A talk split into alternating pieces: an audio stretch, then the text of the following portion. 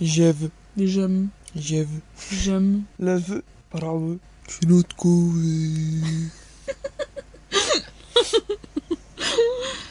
Wesoły będą kwak, kwak, kwak.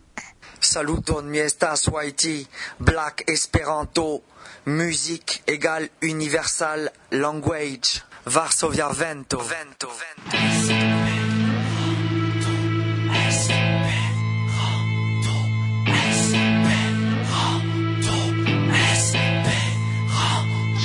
Opter pour une vie à risque, dire une nécessité, résister pour exister, vivre ou plutôt planer, être ou peu évoluer, faire où certains cœurs brillent. Mon choix est fait depuis des piges, pas besoin de me justifier.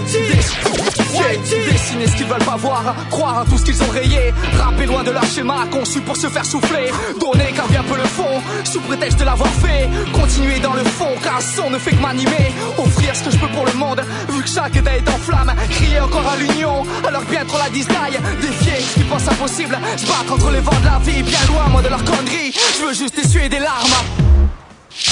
Altin Mal Altin dick drin, mal dick drin. Altin, mal altin. Dick drin, mal dick drin. Altin, mal altin.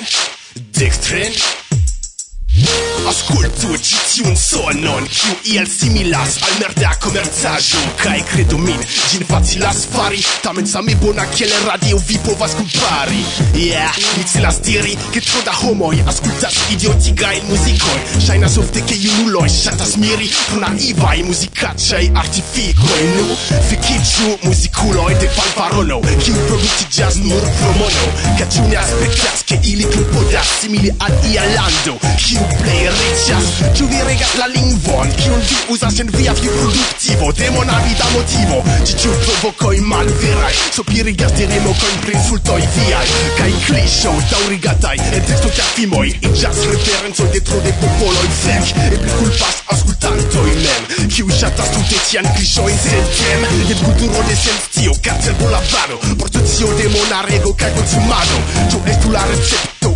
aŭdinda Movu vian pugon cahier de Jublinga Moru, moru, moru Moru J'ai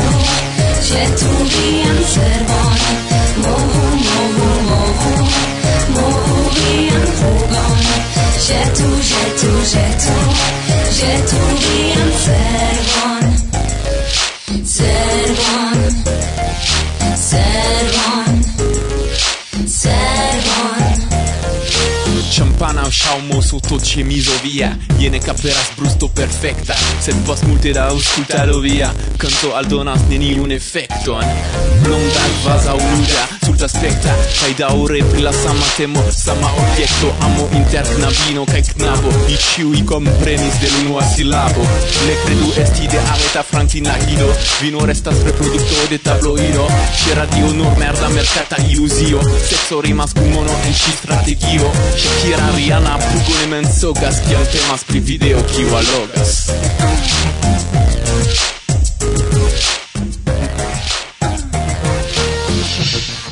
Hmm, paf click. Kaj la platana uaiti comence. Speciale, char eh, platano iam attendis por apero de la interviuo kiu jam en ciel sendo. Mi esperas, ke tamen ni ne tro flustrigis. Tial eh, muzike preskaŭ entute. La elsendon ni dediĉos al lia hip-hopa arto. Kion subtenos kompreneble la interviuo kun li? Do saluton ni diru. Yes, saluton en la naŭdek naŭa jam elsendo. de Varsovia vento. Bla, bla. Bla.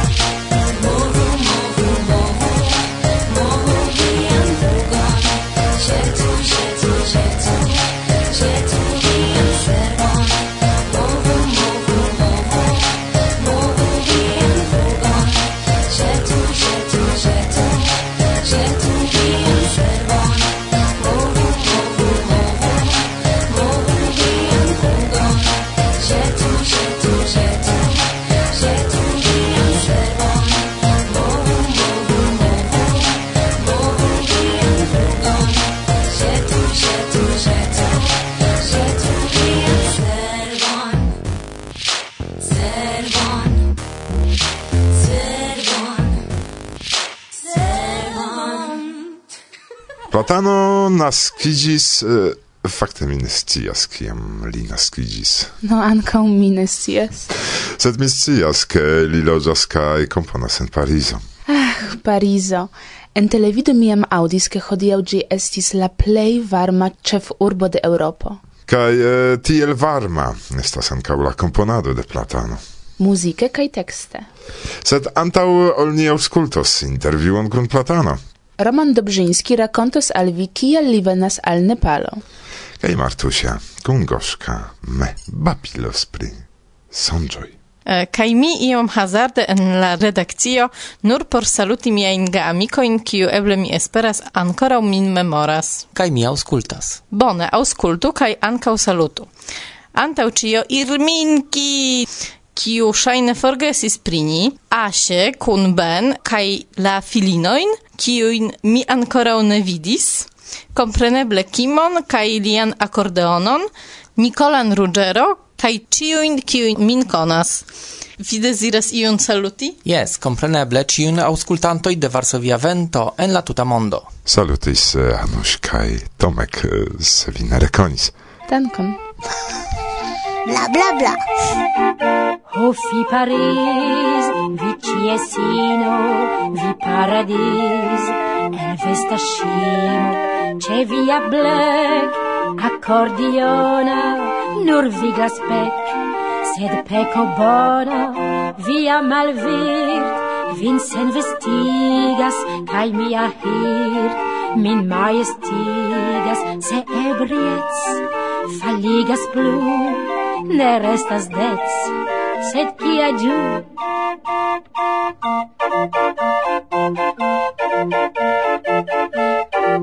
La la la la, messe si bon.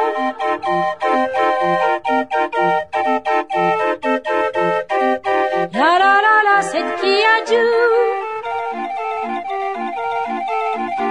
Paris bandit, cum gelitai manoi, vissen amic, C'è Polizzano en via Rob, brille neona, vi estas snob, giuige bona, post via Stel, Ien fulma fug al acciaquel, via rifug polizza paf, do gardu vin, se estos traf, Ien estos fin. Thank you. La la la la, sed qui a Dieu.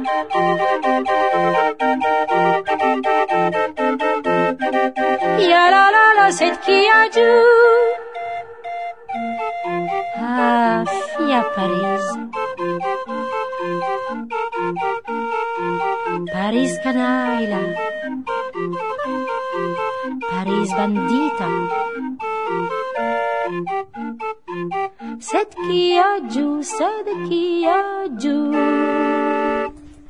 laste ni renkontigis, kiam vi revenis el bona espero, kaj vi diris kelkajn eh, novaĵoj. Sed mi nun ekscias, ke vi denove deziras forveturi, sed al Nepalo. Kion vi deziras fari en Nepalo? No, vi starigas al mi tre malfacilan demandon, ĉar mi ne scias, kial mi veturas al Nepalo, kion mi vidos en Nepalo, kion mi faros tie. Ĉar mi neniam estis en tiu lando, ancau generale Asion estas por mi tre conata continento. Sed vi estis en Cinio, mi memoras, kai vi instruisti Esperanton en Pekino. Ah, yes, tio estas granda temo, kai tuta aparte mi volonte racontas al vi, ĉar aventuroi, kiu in mi travivis en Pekino, en la universitato, instruante Esperanto, esis exter.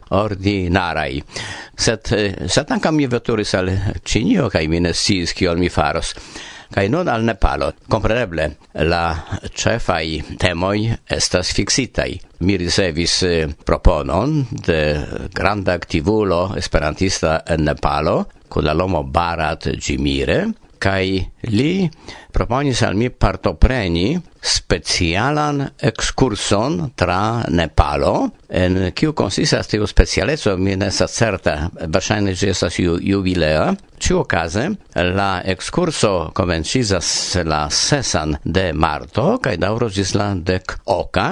Kai poste mi decidis ancora resti pli longe, la lia invito mi restos eh, kai vivos inter esperantisto gis la fino de marto. Do Cion kion mi scios, mi volonte racontos al vi, set mi tute ec ne imagas kion mi vidos. Do temas compreneble pri filmo, kiun vi realigos shaine dum la ekskurso, kaj eble interviuo kun la partizanoi maoistoi kiuj tie estas. No, en la politica in afero mi ne enmixigios, tamen fakte mi desiras eh, fari filmon kaj vere sincere dirite tio estas mia cefa celo veturi al Nepalo, char mi havas novan kion mi volas gin exploati plei bone cae cetere no tion mi sias.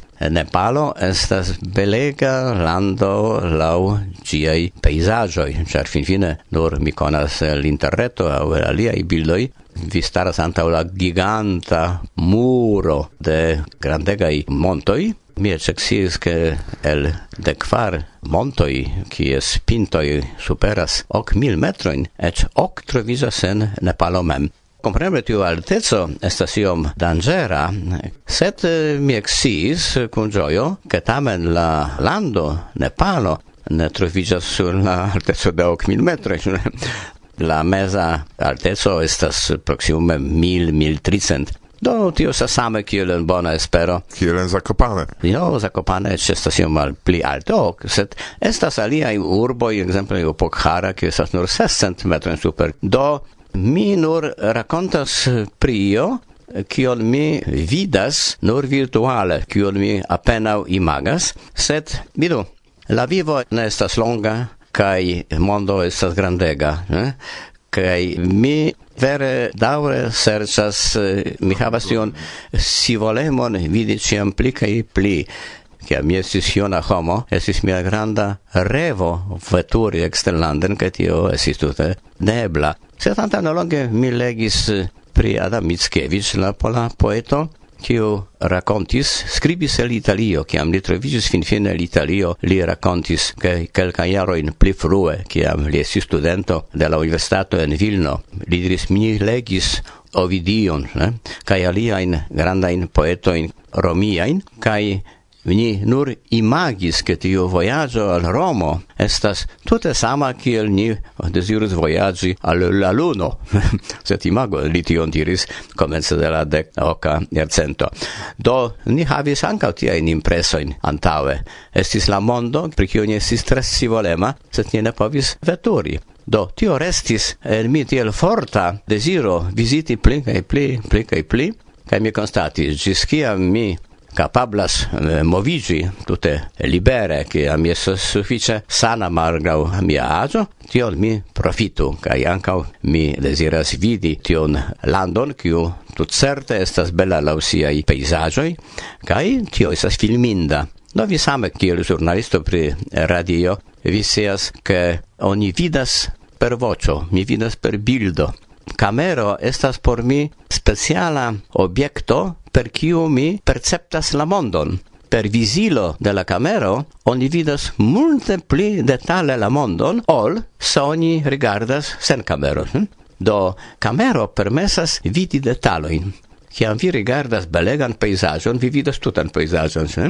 per camero vi serĉas detaloin, kiuj poste vi povas okomprene per zoomo proximigi, kaj vidi tion, kiun okulo normale ne vidas. Do mi trege giuas mian laboron, mian filmadon kaj esperas ke mi prezentos novan filmon pri Nepalo. Kompreneble ne interesas min nur turisma filmo, kien faras multe homoj, ĉar pri Nepalo estas amaso da diversaj filmoj. Sed mi tiuj miajn spertojn ciam ligas kun Esperanto movado kaj eh, laŭ mia scio Esperanto movado en Nepalo estas mirinda. Antaŭe mi ĉiam miris en diversaj kongresoj, ĉiam mi vidas nepalanojn. Do montriĝas, ke ili estas eĉ tio multaj, ke organizas tiel grandajn ekskursojn. Do nepre salutu esperantisto en Katmandu, eh, char eh, ili jam estis en Polando, kai certe tiu vizito lasis ce ili bonegain spuroin. Do bone, dankon, kai mi desiras al vi bonan voyagion, ču tra Moskvo vi flugas aŭ eh, rekte de Varsovio al? Lastatempe mi uzas linioin de Emiratoi. Estas tre bonaj linioj. Ekzemple al Japanio lastatempe mi flugis tra Dubai, sed nun mi veturas per la linio de Katar. Do eh, ĉiukaze mi estas eh, revita de la eleganteco kaj oportuneco de la aviadiloj kaj la flugo estas sufiĉe mallonga. Imago de Varsovio al Katmando mi flugas nur dek kvin horojn kun Sanjo en Duha. Do estas pli proxime al la luno fakte, ĉar tio ni flugas pli longe. Do Roman interŝejkoj baldaŭ interŝejkoj kiu estas en eh, tiu katara aviadilo. Do dankon kaj mi deziras al vi bonan vojaĝon kaj multe multe da impresojn. Dankon Roman. Tell each year Ca dirăța matină, formila vivoroză. Omon vlustras liabuci, ce mia corectuci, ies vancam linur prozas. Lamas nun la nimierici, derrava am felici, cae tion causa.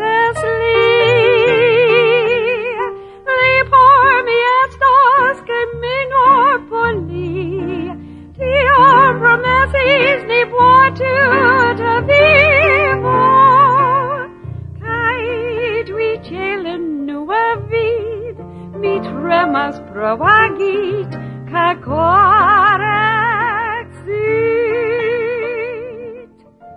Saluton. Saluton. Ni invitas ciuin al nia malgranda angulo. Yes, angulo de Martusia. Kaj Goszka, me. En tiu ci angulo ni priparolos interesajn temoin. Kio signifas, ke vi neniam enuiĝos dum niei paroladoi? Nu, klare hodiau, dum quelcae minutoi, ni babilos pri songioi. Mm, songioi. Ni priparolos tiun temon lau nia orientido. Kial ni decidis tuŝi tiun temon me? Mm, bona demando, eble pro tio, ke mi kaj vi sonĝas kaj ŝatas sonĝi, ĉu ne? Ĉu jes? jes.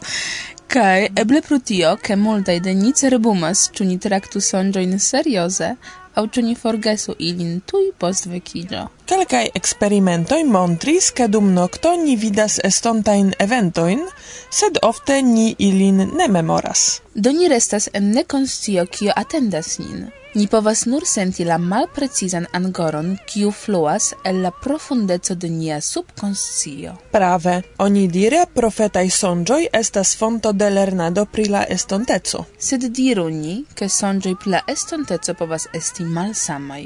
Plej ofte en niaj sonĝoj aperas simboloj.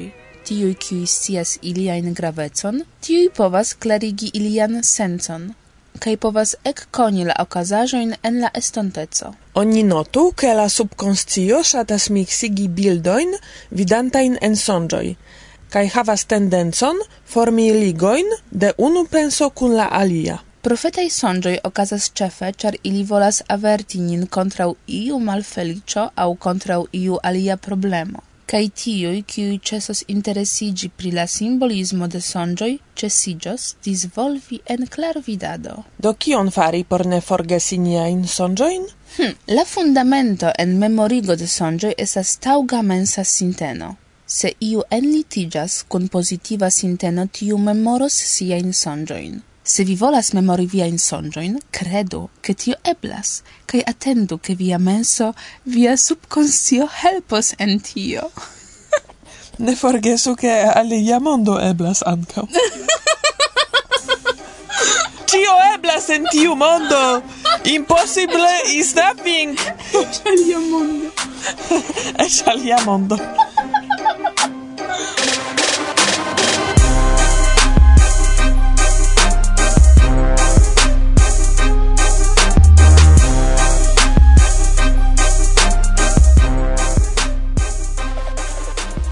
La dua grava afero estas provi ne ellitiĝi tui, kiam vi vekiĝos. Simple atendu kelkajn minutojn. Provu iel resti en la atmosfero de dormado. Provu ankoraŭ en la lito kun fermitaj okuloj, en la duon konscia menso, rememori kio okazis dum via dormo. Tion mi povas fari. Ol kelkaj minutoj. Do dum semain finai mi povas uh, tiel praktiki dum ec tri horoj. Kaj vi? Ec pli longe. Ĉu vi havas pli longan praktikon ol mi? Wieczne imagas kio longa estas mia praktikado. Do, tia restarigo de sonĝo helpas pli bone memorigi detalojn kaj ĝeneralan sonĝbildon. Sed ĉu vere niaj sonĝoj povos esti profetaj? Hm, bona demando me, al kiu jam respondis ekspertoj de Maryland Universitato. Rezultoj de iliaj esploroj montris, ke kiam temas pri unu el la sferoj de nia vivo, surprize ofte sonĝoj realiĝas.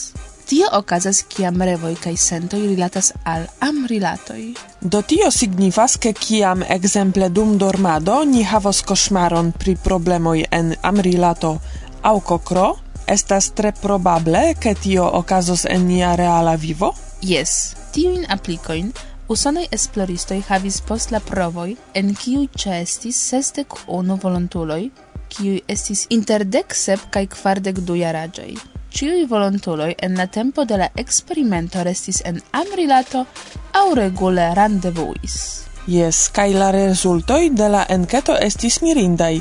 Kiam en sonjoi de la partoprenantoi aperis bildoj de zorgoj au malpaco, la sekvan tagon inter la partneroj estis konflikto. En situacio, kie en revoj aperis malfido, en mallonga tempo okazis eligio de ligoj de partneroj. Mm.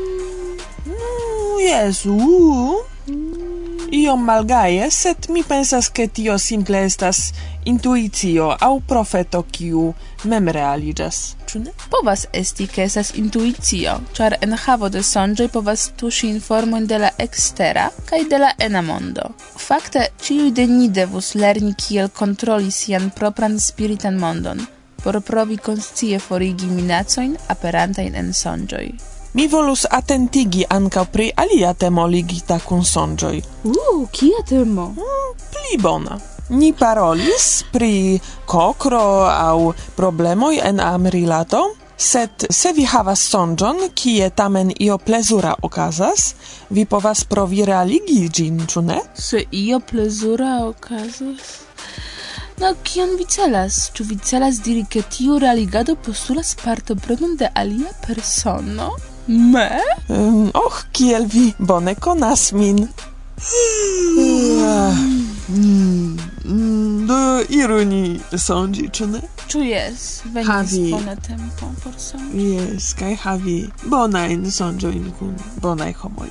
Ne pri kokro. Nie, nie kokro. pri kisoj. Pri kisoj, jes. Iru ni dormi sonĝi pri kisoj. Ah. Bonan nokton.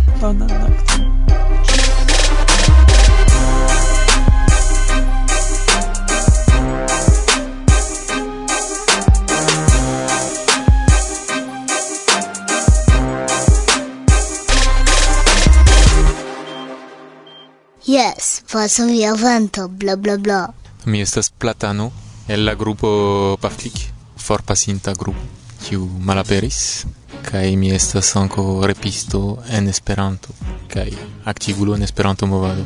Pa, snu pafa en aro shafa.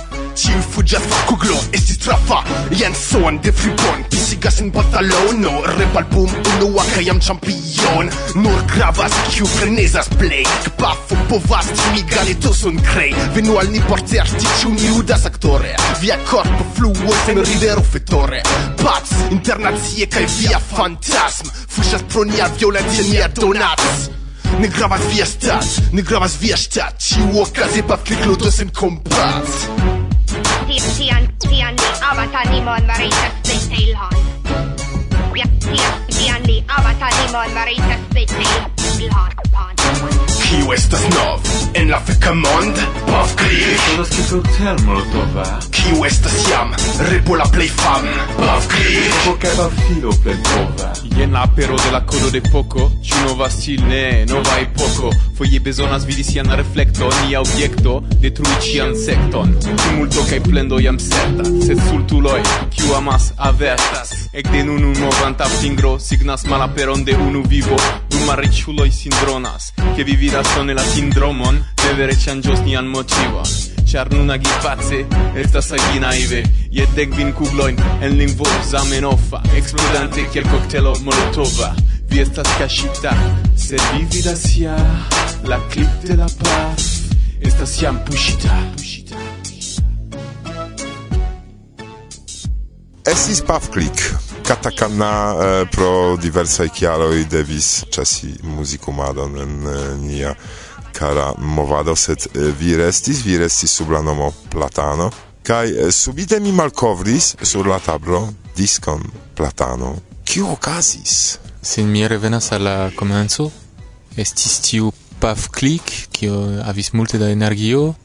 ĉefe ĉar ni, ni estis du kun sama ideo tre malofta en Esperanto movado. Ĉiu havas sian propran ideo kaj sekvas kaj tiam ni vere estis amikoj poste ni faris pafklik kaj uh, eh, okazis ke post la kodo kiu prenis multe da tempo kaj da energio katana alinome Maxence iomete uh, eh, sen iluziiĝis pri la rezulto uh, a Kayanko ne tiom volis esti repisto en Esperanto gis fino de lia vivo.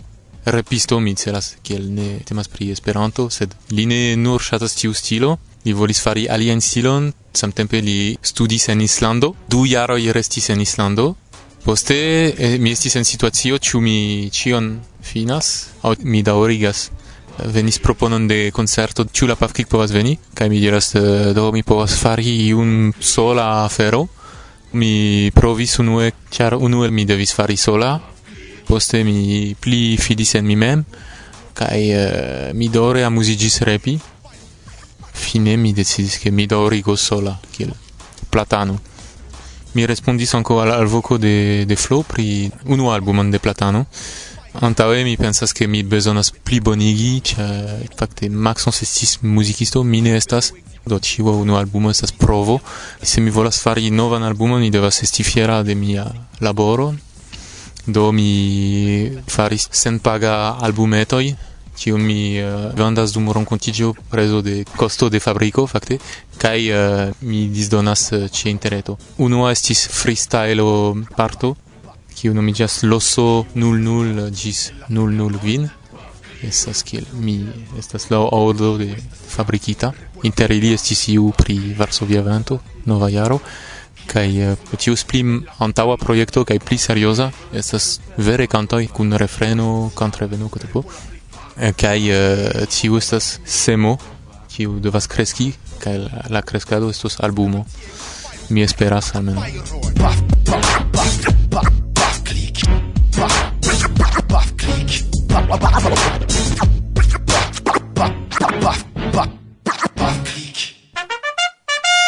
Reklamo. Cun la celo plenigi la truon, cium lasis la forlaso de la brancio musico el la bel artai concursoi de UEA, la revuo contacto cune cun la cultura commissiono de Teo cae apogo de UEA cae Vinil Cosmo, lancias la unuan musican concurson de contacto. La concurso havos du categorioin, canto de la jaro cae albumo de la jaro. La regularo kaj aligilo atingeblas per ligilo en la priskribo de ĉi programo. Bla bla bla.